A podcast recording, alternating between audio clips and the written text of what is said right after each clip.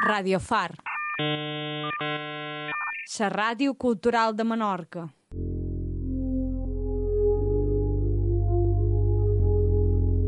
Residents. Residents.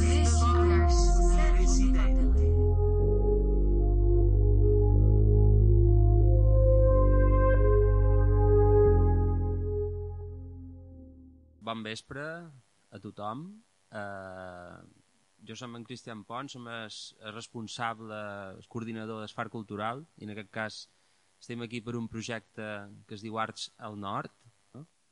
Bé, uh, Arts al Nord va començar com, com que allò que dius, insistiu, no tenim uh, música un poc dins el nostre entorn, volem que, que hi hagi músics que venguin a tenir una experiència de residència curta i van pensar, fem una residència per músics i va començar al Nord així, no? convidant a músics de, sobretot d'arreu de, de ses illes i també duen bastant de músics de, de Catalunya mm, en grups com Petit de Calaril eh, en Da Sousa que més va venir molts de grups que, que estaven dins el circuit que estaven traient sobretot obra nova intentaven que vinguessin a, a, a fer una residència curta i fer un concert.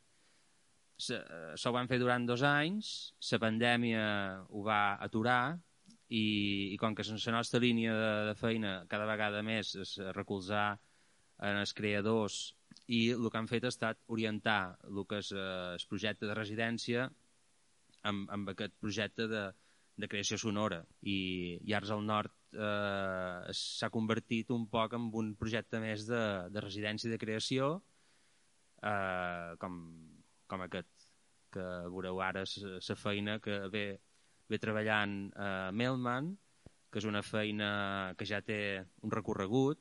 Eh, ell ha rebut beques per exemple de, beques de producció de l'Ajuntament de, de Barcelona i està fent un recorregut eh, bastant interessant per a Europa fent aquest projecte que ja explicarà ell si de cas. Gràcies. Mi nombre es Nicolás Melman, soy argentino, como muchos inmigrantes acá en España. Gracias a Jack, ¿lo pronuncié bien? Jack, check, check, check, por sus poemas, por acompañarme. Eh, Check estuvo leyendo, bueno, lo único que entendí era que Mercadona era más barato, ¿puede ser? Bueno, eso lo entendí.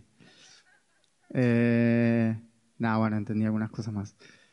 Eh, estuve trabajando aquí en Casa de Artistas en Menorca, en la residencia artística, creando un poco este mundo sonoro, que es parte de un proyecto más largo que empecé a desarrollar ahora y Check estuvo un poco reemplazando los textos que van a formar parte de, esta obra que va a ser una especie de radioteatro, eh, una especie de collage, radioteatro sonoro, eh, integrando música, grabaciones de campo, sonidos eh, de foley, sonidos orgánicos y texto. Eh, voy a trabajar sobre la historia de mi abuela eh, argentina, que es, era indígena del, de la provincia del Chaco, una provincia del norte del país, de las más pobres del país. Mi abuela era mm, campesina, cosechaba, trabajaba en la cosecha de algodón eh, desde los seis años, era trabajadora infantil y bueno, eh, bueno, la vida del campo, anécdotas, historias de, ese imaginario de vivir en casas de barro al costado de la cosecha, etcétera. Voy a parar, me siento más cómodo. Eh, ¿Qué más? Y bueno, estoy trabajando sobre eso. Mi abuela eh, emigró a Buenos Aires con muchos trabajadores eh, en los años entre los 40 y los 50 y empezó a trabajar limpiando eh, casas de gente rica en Buenos Aires y poco a poco empezó a involucrarse en, política, en militancia política. Mi abuela era semi-analfabeta y aprendió a leer por su cuenta, a leer y a escribir y bueno, terminó eh, haciendo mm, organizando huelgas, haciendo trabajos en lo que nosotros llamamos villas miseri- miserias, que son barrios eh, muy marginales y muy pobres que están a lo largo de todo el país y son muy masivos. Argentina tiene un 50% de la población eh, viviendo bajo la línea de pobreza, eh, lo cual es muy brutal. Y bueno, mi abuela ayudaba a que, a que eso mejore de alguna manera. terminó, bueno, organizando huelgas y, leyendo Marx y Gramsci y, y pensadores eh, marxistas y, estuvo a punto de viajar a la Unión Soviética en los años 80 para estudiar Marx, para, para instruirse en, estos cursos que había. Eh, y bueno, es un poco, esa es un poco la postal así a gran escala de- de su vida y de esta, de esta militancia y de este, de esta especie de epopeya, ¿no? De salir de, de, la pobreza máxima y, bueno, y, crearse a sí misma y, y, y dar la vida por, por otros. Eh, mi abuela, todas estas actividades políticas las hizo en la clandestinidad durante la dictadura militar en los años 70 en, en Argentina, que podría ser un equivalente a lo que fue Franco aquí en España. Y bueno, todo esto obviamente era con riesgo de vida. Mi abuela and- andaba armada y, bueno, y organizar reuniones para de discusiones políticas implicaba bueno todo un una infraestructura y un montón de historias que tengo recopiladas en mi cabeza y también entrevistas que estoy realizando.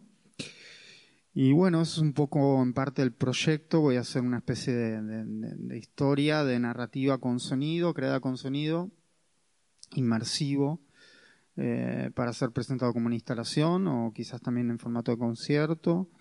Así que bueno, eh, estoy abierto a, preguntas. Estoy muy agradecido a los chicos de, Casa de Artistas, Ars del Nord y Esfar Cultural por haberme recibido en su casa y invitado a, a- a empezar este proyecto aquí. También esto fue subvencionado por, por el Estado de Cataluña por un programa que se llama Becas Barcelona, que están haciendo que esto sea posible. Así que bueno, muchas gracias por escuchar, por, por la presencia, gracias a Jack por sus poemas también. Y bueno, cualquier cosa que quieran preguntar. El proyecto este es un proyecto que yo creo que va a durar bastante, como un año, pienso, para estar terminado. Eh, el mayor desafío que tengo es escribir el texto de la obra. Para eso estoy trabajando como en tres líneas diferentes, que es, eh, bueno, estoy entrevistando familiares. Mi abuela falleció hace tres años. Estoy entrevistando familiares, compañeros de ella del Partido Comunista en Buenos Aires. Mi abuela, para que se den una idea, bueno, cobró, cobró protagonismo dentro del Partido Comunista en Buenos Aires, organizaba un montón de actividades, eh, recibió a la mamá del Che Guevara en su casa. eh, hay varias historias sobre eso. También parece que había una rata dando vueltas en la casa, fue todo un escándalo. Eh, ¿Y qué más? Y, y bueno, y el, digamos, el texto, el texto de la obra va a tener como tres líneas, una bien eh, conectada a la historia de mi abuela, otra a la historia política de Argentina y otra a, a- a teoría, teoría un poco marxista. Y bueno, todo eso va a ser un proceso bastante largo hasta que termine de escribir el texto. Sí, hay, hay muchas mujeres. Bueno, la primera que se me viene a la cabeza es Rosa Lux- Luxemburgo, pero hay muchas y, y bueno, es parte del proceso de la investigación que, que estoy haciendo. Eh, pero más que nada, el, eh, lo que me interesa rescatar es como conceptos más teóricos de qué significa el trabajo, cu- cuál es el valor, el valor del dinero, como me interesa mezclar como elementos técnicos dentro de una propuesta artística, técnicos duros, digamos, de la economía. Eh, eso, pero es un experimento igual. Veremos qué pasa. ¿Alguien más? Se cierra el micrófono.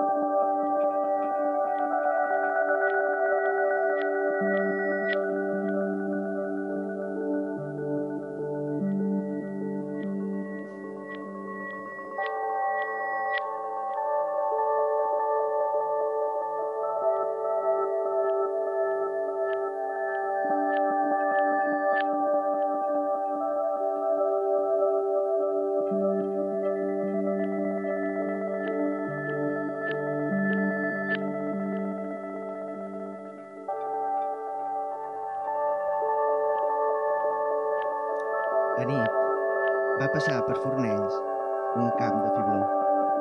Semblava un camp de fibló. No sé què és un camp de fibló. Deixeu-me amb una tempesta d'estiu per donar la benvinguda a l'agost. La trepitjada del vent i el crit de la pluja em van desvelar. Les tropes d'Aníbal sobre Roma. O potser va ser el cafè negre de després de dinar, perquè la llet mata la cafeïna. Vull dir que passes pena perquè teva, mentre aigua per tot. O potser sols era que tenia un poc de por. Ja saps, som un covard i fuig des dolor. Però tota tempesta escampa, a no ser que sigui una tempesta per aniquilar la humanitat. Així que després de contemplar el darrer llamp i la darrera gota d'aigua, vaig tornar al llit. Però la invocació de la son està benit, è scritta in sanscrito.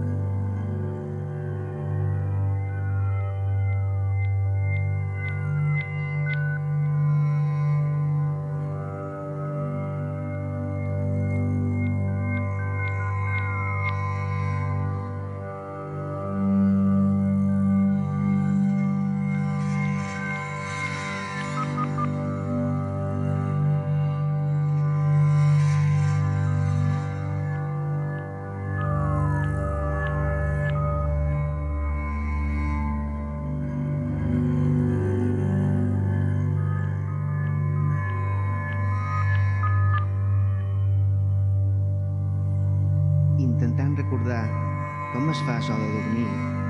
No sé com és. Vaig pensar en mo mare.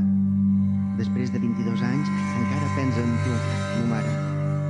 Pensava en que jo som fill de Necita, com si ella fos un personatge llegendari recitat en centenars de poemes èpics. I com a fill d'ella que som, estava destinat a grans gestes. Defineix tu mateix grans gestes. Travessar oceans en mareig, escalar muntanyes, ben vertigen, trobar la flor romanial, a dures penes se distingui la camamila, assolir la il·luminació, la llum amb cega, Buda en rei abans?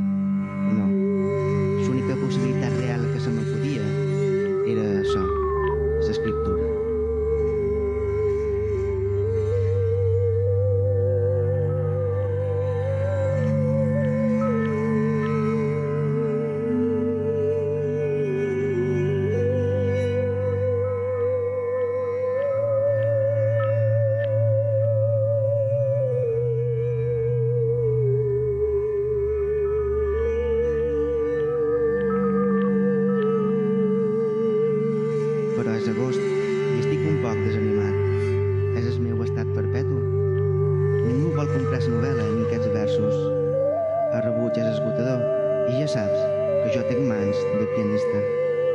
És cert que hauria de fer més per part meva i no deixar-ho quasi tot en mans d'altres. Aquest vers és per agrair-vos, amics, en jo, la vostra fe. Però som un mal venedor.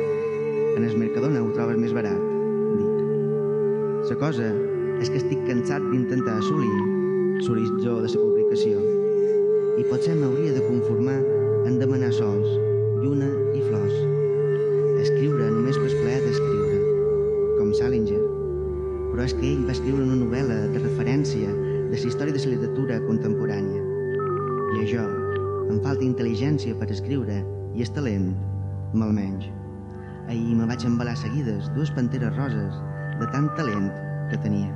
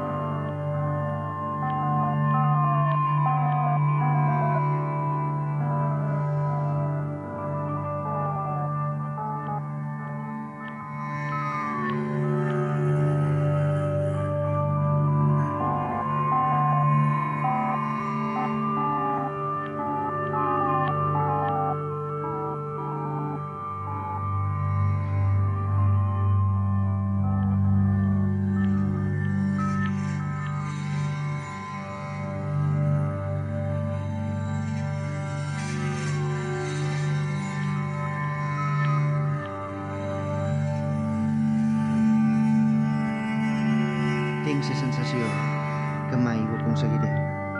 Seré ignot la resta de la vida. Que afortunat. No ets valorat en la teva pròpia època, diu Phoebe en un episodi de Friends. Però no és agradable ser un pintor maleït, replica Maurice Trillo.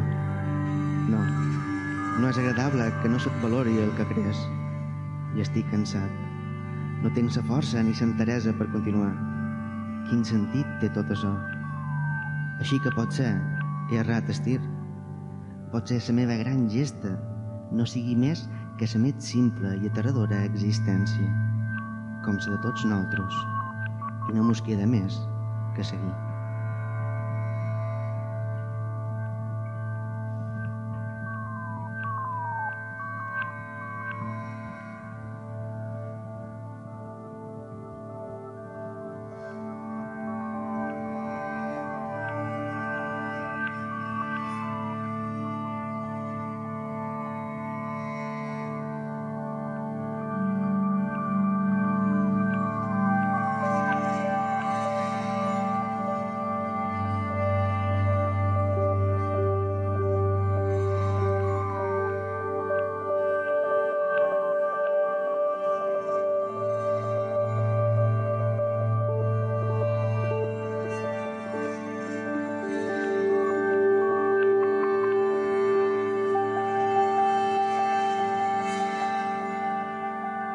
De 80 litres per metre quadrat van caure a disposir a Ferreries, inundant el torrer de Sant Granal. Una cosa mai vista, diuen els seus veïns. Mil putes pixant alhora el mateix orinal. Però aquí a Fornells, la tramuntana s'endú els niulats marandins, com si ningú volgués saber res de nosaltres, com si estiguessin maleïts, marcats com Caín. No mireu enrere, va dir Déu a Lot, abans de destruir les ciutats.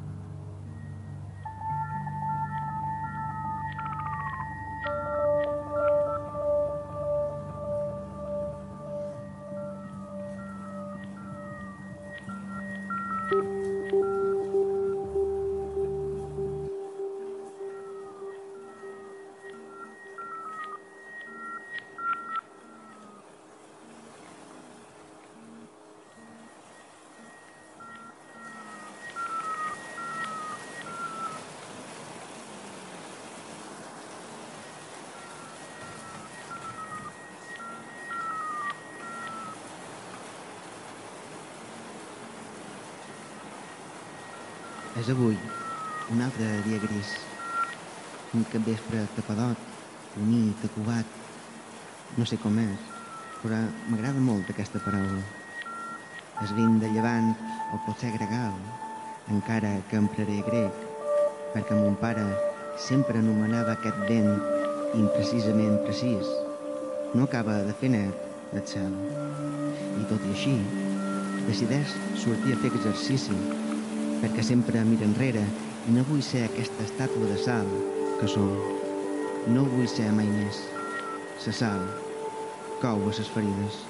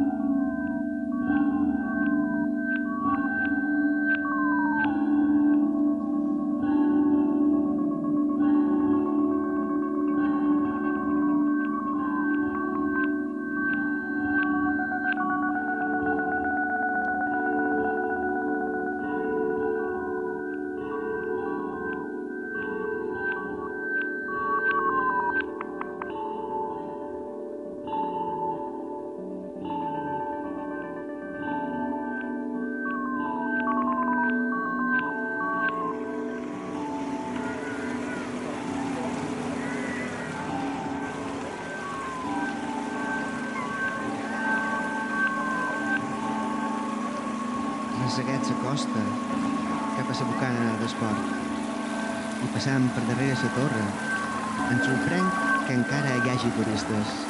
Per Déu, estem a finals de setembre. però s'ha de veure les coses bones de seguida i m'enric d'ells, perquè avui el sol, aquest sol que existeix a totes bandes, avui no serà qui aplaudit. Ja, ja, ja, aquella parella que baixa amb la torre. Ella, davant, estesa la roba sense por a la ceguera. Ell, darrere, observant la geologia del terreny per sobre la panxa, amb els braços fermats a l'esquena. I en veure aquest joc de mirades oposades, aquesta escala d'ordesa, em dic que l'amor no pot ser això. No pot ser seguir un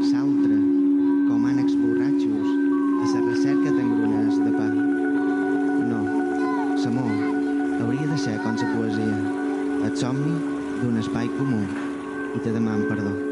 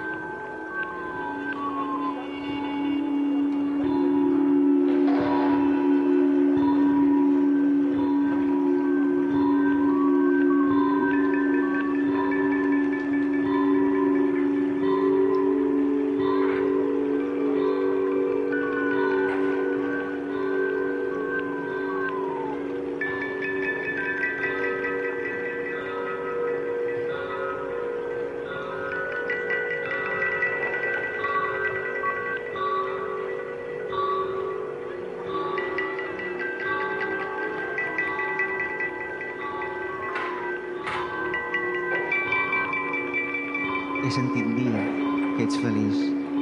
I mentrestant, jo fumo en aquest vespre en el llit sense poder dormir.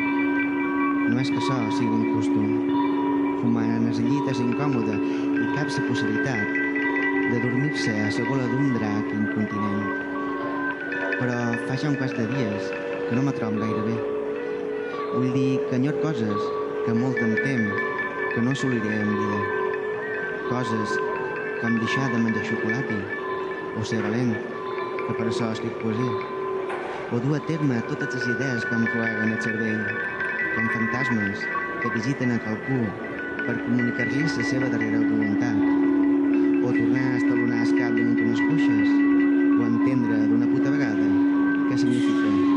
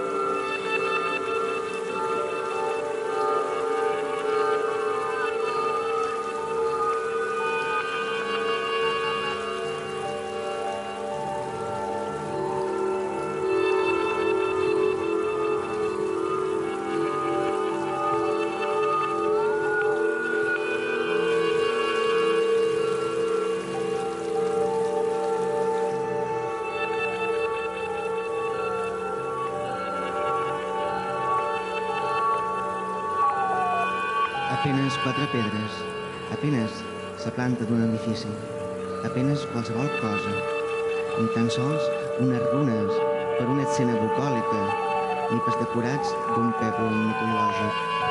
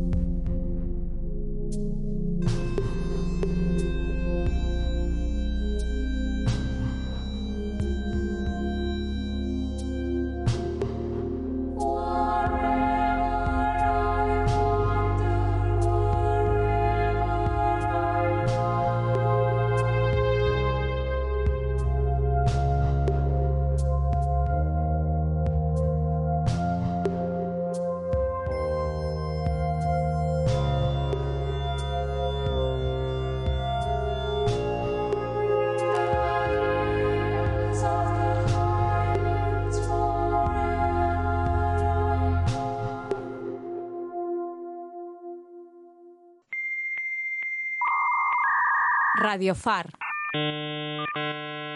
La ràdio cultural de Menorca.